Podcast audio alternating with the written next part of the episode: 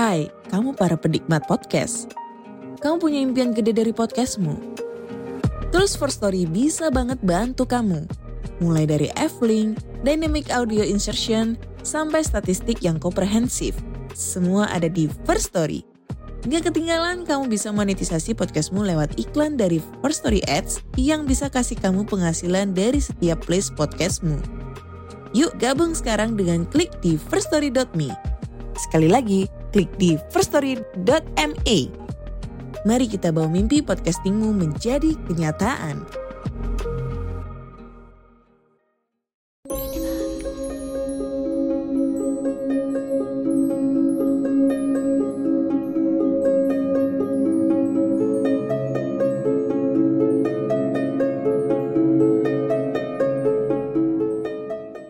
Selamat datang dan selamat malam, saya Denny, narator dari Rumah Horor Indonesia Menyapa kalian untuk mendengarkan sebuah cerita horor di malam hari ini.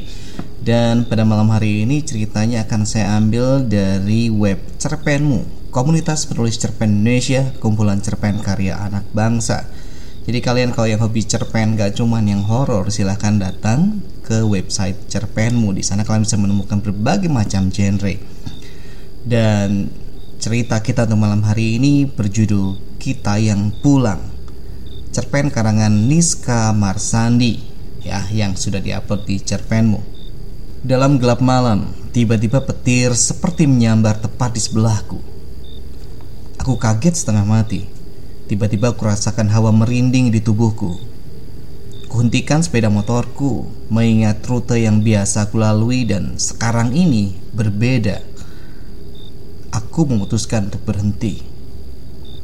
Lalu tiba-tiba seseorang menghampiriku. Seorang pria tua bertubuh kekar tanpa mengenakan baju, hanya bercelana panjang tanpa alas kaki, mengenakan belangkon dengan wajah yang selalu meringis seperti menahan sakit. Dalam bahasa yang bisa kupahami, dia berkata, suaranya agak berbisik dan mendesis namun jelas perkataan yang dia katakan kepadaku. Ini sudah malam, kamu mau ke mana? Di sini bukan tempat untuk orang sepertimu, kata beliau dalam bahasa Jawa halus. Aku berusaha menjawab dengan bahasa Jawa halus. Mohon maaf pak, saya mau pulang, namun saya tersesat. Dia memandangku tajam. Aku bergidik.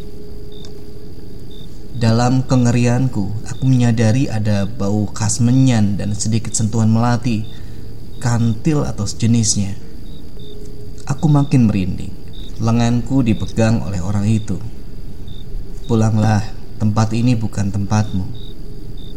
Aku tak mau menjawab. Aku berusaha tenang walau sangat ketakutan. Tubuhku bergetar. Kalau kamu tersesat, ingatlah bahwa kamu hanya punya keyakinan. Pilihlah yang bijak, kata pria tua itu melanjutkan. Pria tua itu melepas tangannya lalu pergi meninggalkanku begitu saja. Setengah sadar tidak sadar ketika pria tua itu melangkahkan kaki. Yang kudengar adalah langkah tapak kaki kuda. Ya, ketika ia melangkah, aku mendengar seperti suara kaki empat berjalan dengan ketukan yang sama ketika kuda sedang berjalan. Aku mendongak ke atas. Agak aneh memang. Walaupun gelap ini terasa seperti terang bulan, namun tidak ada bulan yang bersinar bintang juga tak kutemukan satupun. Dalam gelap, gerimis mengguyur, mengguyurku dalam gelap terang bulan. Sepeda motor kunyalakan. Sayang motorku yang sebelumnya memang kurang sehat, sekarang bisa dibilang sekarat. Motor tua, macet, dan agak brengsek ini tidak bisa diajak kerjasama. Lalu sekonyong-konyong pundakku ditepuk seseorang. Aku sangat kaget dan tersentak. Aku membalikkan tubuhku. Kulihat seseorang di belakangku. Seorang wanita tersenyum namun senyumannya ganjil. Di dahi kanannya mengalir darah yang masih mengalir hingga menyentuh bibirnya. Wanita ini berbau anyir. Pakaiannya bukan seperti pakaian zaman sekarang. Itu pakaian adat Jawa lengkap dengan sanggul di kepala dan kebaya hijau. Dan matanya, matanya selalu melotot namun tak pernah memandangku. Tubuhku kaku, keluh, dan tidak bisa berbuat apa pun. Wanita itu melotot sambil menggeram, Lalu dalam bahasa Jawa kasar yang dapat kupahami, dia bersuara dengan agak berteriak. Kamu? Kamu tahu jalan pulang ke mana? Kulihat wajahnya, matanya selalu melotot tapi tak pernah memandangku. Seolah dia memandang ke arah lain. Tersenyum namun ganjil. Aku merinding, menahan nafas, tak bisa ku jawab pertanyaan itu. Kamu? Kamu antar aku pulang sekarang. Kata-katanya sangat keras. Aku masih tak menjawab. Ketakutanku terlalu mengekang tubuhku. Kamu? Kamu tahu bisa ke sini sekarang antar aku pulang. Wanita itu masih berteriak dan masih tak memandangiku. Lalu tangan wanita itu memegang pundakku. Aku yang di depannya hampir saja jatuh pingsan tak sadarkan diri. Kamu, kamu tidak pantas. Dia tak melanjutkan perkataannya, hanya meremas pundakku dengan sangat kuat lalu melepaskannya dengan kasar seperti menarik pundakku. Hampir jatuh aku dibuatnya. Aku tak berkata apa-apa, membisu dan takut. Kini dengan wajah yang tiba-tiba agak ketakutan dan mata masih melotot. Wanita itu mundur dengan masih melihat satu objek yang sama. Tak aku juga tak paham. Dia berjalan mundur dalam gelap dan gerimis. Wanita itu berjalan mundur terus, lurus, hingga jauh dan tak lagi terlihat.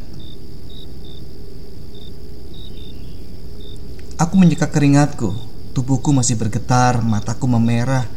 Mungkin aku menangis, namun air hujan membuat tangisanku tak terlihat.